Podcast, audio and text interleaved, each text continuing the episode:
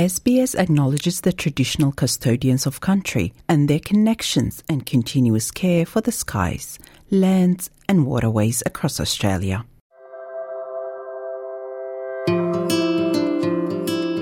You're listening to Australia Explained, an SBS audio podcast helping you navigate life in Australia. Australia has breathtaking coastlines, a welcoming beach culture, and a wide range of marine life to admire. However, it's crucial to watch out for potential risks. Marine creatures like stinging jellyfish, stingrays, and multiple shark species inhabit these waters and require vigilance. Encountering a shark while in the water can be a frightening experience, but it's essential to remain calm.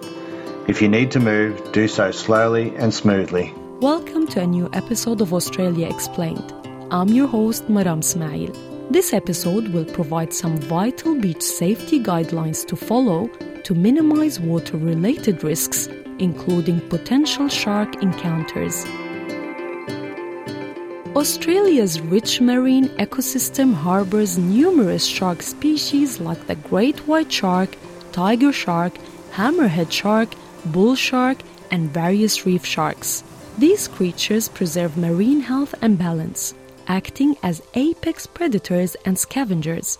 Dr. Paul Butcher, a shark scientist, emphasizes their crucial role in maintaining the ecological equilibrium of marine systems. Sharks are often referred to as apex predators, which means they are at the top of the marine food chain. They help control populations of prey species, preventing overpopulation of some marine organisms and maintaining species diversity. By regulating the abundance of prey species, sharks indirectly influence the entire food web. They help ensure that certain species do not become too dominant and disrupt the ecological balance. Understanding shark behavior and their habitats can significantly mitigate the risk of shark encounters during beach trips. Dr. Butcher is a principal research scientist at the New South Wales Department of Primary Industries.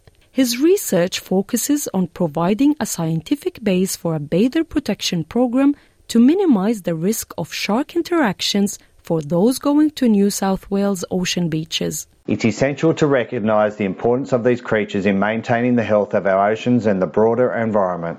Despite their intimidating appearance, sharks are truly wondrous animals that deserve our respect and protection. By regulating the populations of species lower down the food chain, sharks help maintain the balance of marine ecosystems.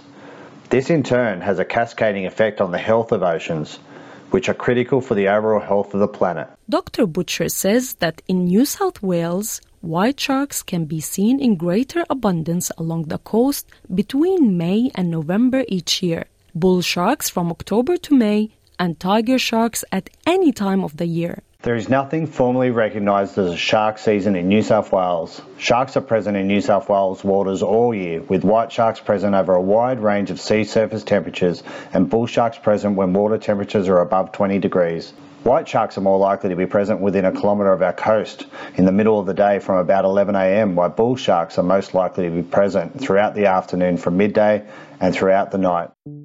Swiftly sinking and surrounded by sharks. These photos capturing the moment of rescue when three sailors were plucked from the Coral Sea. It may have been a hot, sunny summer's day in Sydney, but many of its iconic beaches sat virtually deserted.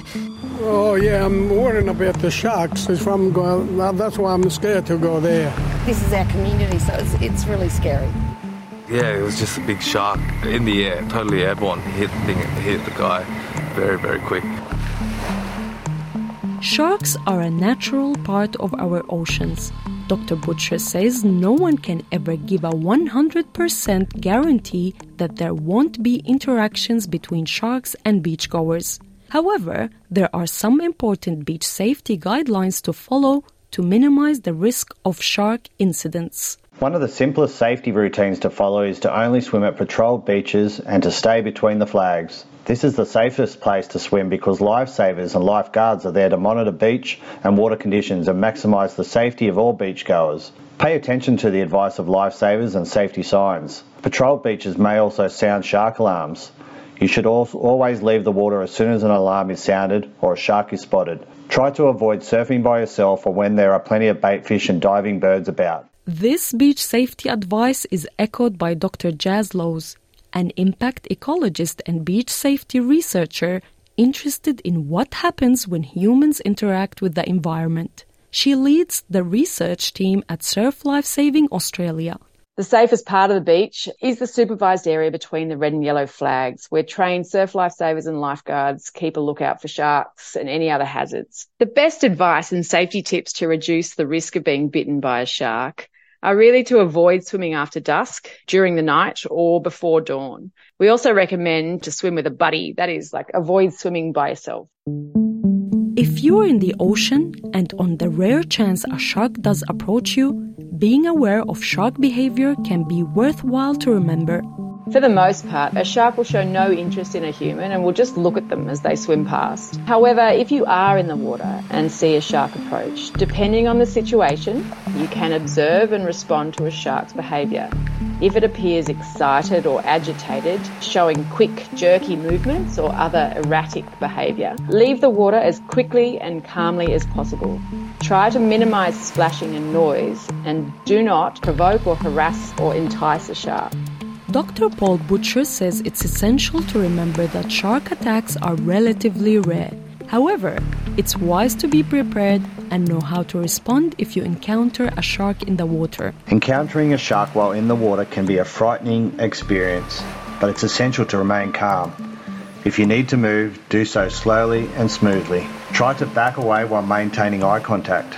Make sure you don't turn your back on the shark. If you're swimming or snorkeling, try to stay vertical in the water. Sharks typically attack from below, so reducing your profile can be helpful. If you're with others, gather in a group. Sharks may be less likely to attack in a larger group of people. You can also take action before you get into the water to help minimize the risk of a shark incident, says Dr. Butcher. Some of the risk mitigation is at a personal level, including considering the use of personal shark deterrents. Independent testing of some commercially available products during and since the shark management strategy confirmed that none are 100% effective, but two products were demonstrably better than others, reducing interactions with white sharks and bull sharks by about 60%. Dr. Lawes also recommends researching the beach before swimming or surfing. We generally recommend that people visit beachsafe.org.au or download the BeachSafe app to learn more and plan how to stay safe at the beach, especially if they are heading somewhere new or unfamiliar. If you have any questions or concerns while you're at the beach, go and say hi to one of our friendly surf lifesavers or lifeguards. They will be very happy to help you. Australia is fortunate to have Surf Life Saving Australia's extensive nationally integrated network of surf lifesavers and lifeguards protecting beachgoers. This means that the safest place to swim is between the red and yellow flags, while the safest place to surf is next to a patrolled area. Surf lifesavers and lifeguards are professionals who are highly trained to keep beachgoers and anyone in the water safe. This includes keeping a lookout for sharks with binoculars from the beach, and some may also use specialised surveillance techniques such as drones or helicopters. If they spot a shark, lifesavers and lifeguards will sound a siren or ring a bell and put up a red and white flag and ask you to leave the water immediately. Australian states and territories governments employ various strategies to mitigate shark incidents. These include shark tagging and monitoring programs, drum lines, shark net installation, drones, and helicopters for aerial surveillance. The New South Wales government's shark tagging program is estimated to be the largest in the world. Dr. Butcher says that the tagging of sharks can mean beachgoers can receive real time alerts if there are tagged sharks in the water. Sharks tagged by DPI contractors are fitted with external acoustic and identification tags. All acoustically tagged sharks can then be detected on the network of 37 real time tag shark listing stations on the New South Wales coast. When a shark swims within 500 metres one of these listing stations, an instant alert is sent to the SharkSmart app. Beachgoers can then download the app and set it to receive tag shark alerts at certain times and locations. Shark conservation is also essential. Dr. Butcher says remembering to be alert but not alarmed and showing respect for these apex predators of the seas is vital. Sharks are necessary to the marine ecosystem and have also found their way into our culture. Sharks have captured the imagination of people worldwide, especially First Nations people for thousands of years, leading to a vast array of cultural references in Indigenous stories and art, as well as modern literature, movies, and art. This cultural fascination has contributed to increased awareness and interest in marine conservation, which is important. Thank you for listening to this episode of Australia Explained, written and produced by Phil Tutsak, hosted by me, Maram Ismail. Australia Explained managing editor is Rosa Germian. This was an SBS audio podcast. For more Australia Explained stories, visit sbs.com.au slash Australia Explained.